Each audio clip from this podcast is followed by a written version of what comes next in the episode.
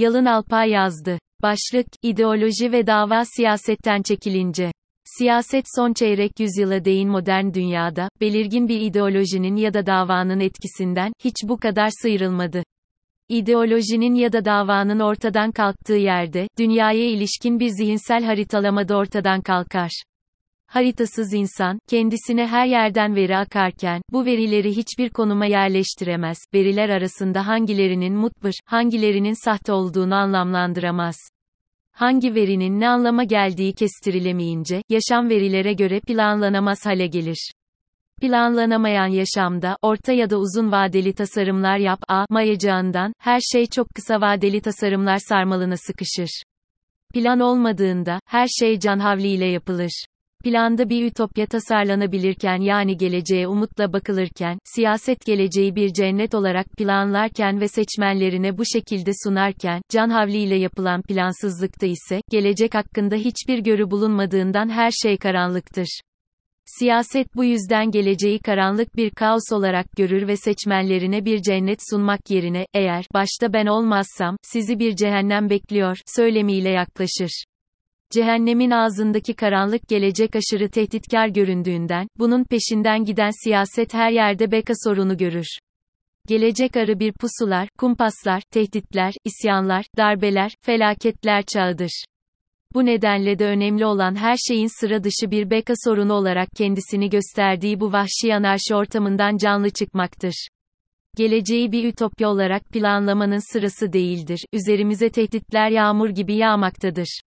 Şimdi önemli olan çok hızlı karar almak ve her biri tarihin daha önce hiç görülmemiş en büyük tehditleri, en büyük felaketleri, doğal afetleri olan bu felaketler sağanağında hızlı alınan kararları çok hızlı uygulayabilmek için yetkiyi bir kişiye vermek ve tümüyle ona itaat ederek, hoplaya zıplaya bu felaketlerin içerisinden toplumca hayatta kalarak çıkmaktır.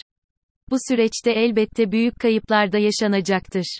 Fakat bu kayıpların hiçbirisi yetkiyi almış liderin yetersizliğinden, beceriksizliğinden ya da ontolojik olarak tek bir insanın bunların üstesinden gelemeyeceği gerçeğinden değil, felaketlerin aşırı devasa olmasından, yüzyılın felaketleri olmalarındandır.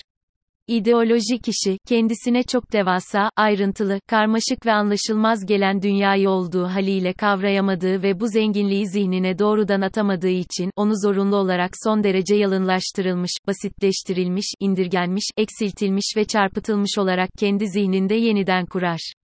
Bu kurguda mantıklı bir bütün olarak inşa edilen dünya, tüm parçalarıyla birbirine uyumlu olacak şekilde resmedilir. Oysa dünya o kadar da uyumlu, mantıklı, rasyonel ve çelişkisiz bir yer değildir.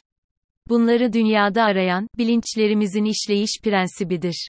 Bilincimiz dünyaya bakar, onunla ilgili bildiklerini, verilerini ve bunlar arasında kurabildiği ilişki biçimlerini yani teorik düşünebilme yetilerini devreye sokarak, zihnimizde tutarlı, uyumlu, bütüncül bir dünya tasarımı üretir. Bu tasarım, her zihinde başkadır çünkü her zihnin dünyadan çektiği veri, deneyim, duygu, onlar arasında kurduğu ilişki biçimleri ve teorik düşünebilme yetileri farklıdır. Fakat dünyayı bir bütün olarak temsili şekilde zihinde üretmek, transfer edilebilir bir metine de sahip olmak anlamına gelir. Karmaşık dünyayı, her adımında kavrayabilecek, onu anlamlandırabilecek, onu hem olduğu gibi, hem de olması gerektiği gibi düşünebilecek yani geleceği de planlayabilecek bir tasarımı, dünyaya baktığımız bir lens olarak betimleyebiliriz.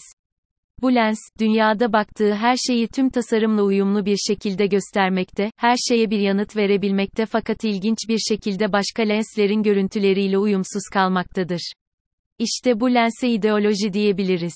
Bu lens, insanlar arasında transfer edildikçe, kişilerin benzer biçimlerde düşünmelerini, benzer şekillerde hissetmelerini sağlar.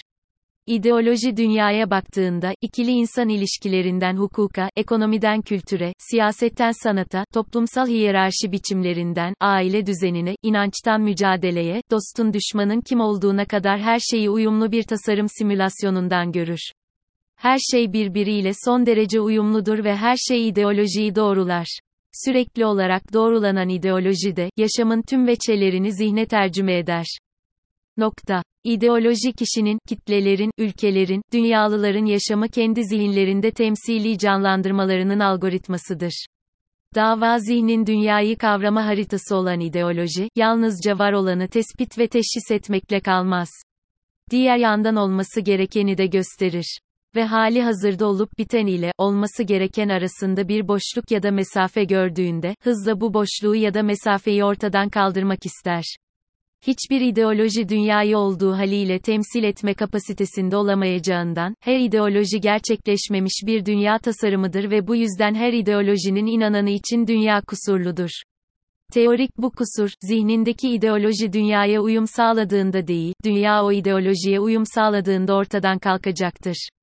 İşte 20. yüzyılın sonuna kadar, kişilerin ve kitlelerin dünyanın bu teorik ideolojiye uyum sağlamasını başarmak için peşine düştükleri ideale, ülküyü, siyaseten gerçekleştirme girişimine, eylemine, düşüne, dava, diyorduk. Son 25 yılda dünya, ideolojilerin ve ona bağlı olarak davaların geride kaldığı bir yere dönüşünce, geleceğe ilişkin siyasi planlamalar da olanak dışı kaldı. Her şey arı bir, çok kısa vadenin içerisine sıkıştı. Böyle olunca da siyaset tümüyle rasyonel olanı devre dışı bırakarak, Althusser'in deyimiyle, ideolojik hayvan olan insanı ideolojisinden arındırmaya ve yalnızca hayvan olmaya yaklaştırıyor. İtaat edelim ama neye? İdeoloji ve dava gibi dünyayı anlamlandırma tasarıları referans noktaları olmaktan çıktığında, geriye referans noktası olarak kimlik kalıyor, bizden olanlar ve bizden olmayanlar. Fakat bu, bizin artık zihinsel bir göstergesi yok, dışsal bir göstergesi var. Bu, biz, aynı şekilde saç tıraşı oluyor, aynı şekilde sakal, bıyık ya da favori bırakıyor, konuşurken aynı şekilde konuşuyor, başına gelenlere aynı biçimlerde tepki veriyor fakat bu dışsal göstergelerin hiçbirisi zihinsel bir harita sunan içsel tasarımlardan doğmuyor. Zira aynı kişiler tamamıyla farklı siyasi görüşleri izlediğini söyleyen kişilerle ittifaklara girip, diğerlerini hain ilan ederlerken, bir yıl içerisinde hain ilan edilenle ittifaka girip eski ortaklarını hain ilan ediyorlar. Her şey can havliyle yapılıyor, hiçbir içsel sağlam içerik bulunmuyor. İdeolojik hayvanın ölümü, kitlelerin ideolojileri, fikirleri, davaları değil, kendiyle uyumlu bulduğu kimlikteki lideri izlemesine yol açıyor. Böyle olunca fikirler değil, kimlikler siyaset yapıyor. Kişi ölümlüdür ve çıkarını izler. Fikirler ölümsüzdür ve rasyonaliteyi izler. Neyin peşinden gidelim, neye itaat edelim? Rasyonaliteden sıyrılmış tekil kişilere mi, ortak aklı simgeleyen kişisel aklımıza mı? Öyle görünüyor ki son 25 yıl, aydınlanmanın dünyaya en büyük armağanını hızla elinden alıyor. Kant'ın Aydınlanma Nedir? makalesinde açıkça belirttiği üzere, kişi zihinsel erginliğini ancak kendi aklını bir başkasının kılavuzluğuna başvurmak zorunda kalmadığında elde edebilir. Fakat çağımızın aşırı yığılan verisi ve artık çok rafineleşmiş uzmanlaşma zorunluluğu, kişinin bu yetisini de kullanılmaz hale getiriyor.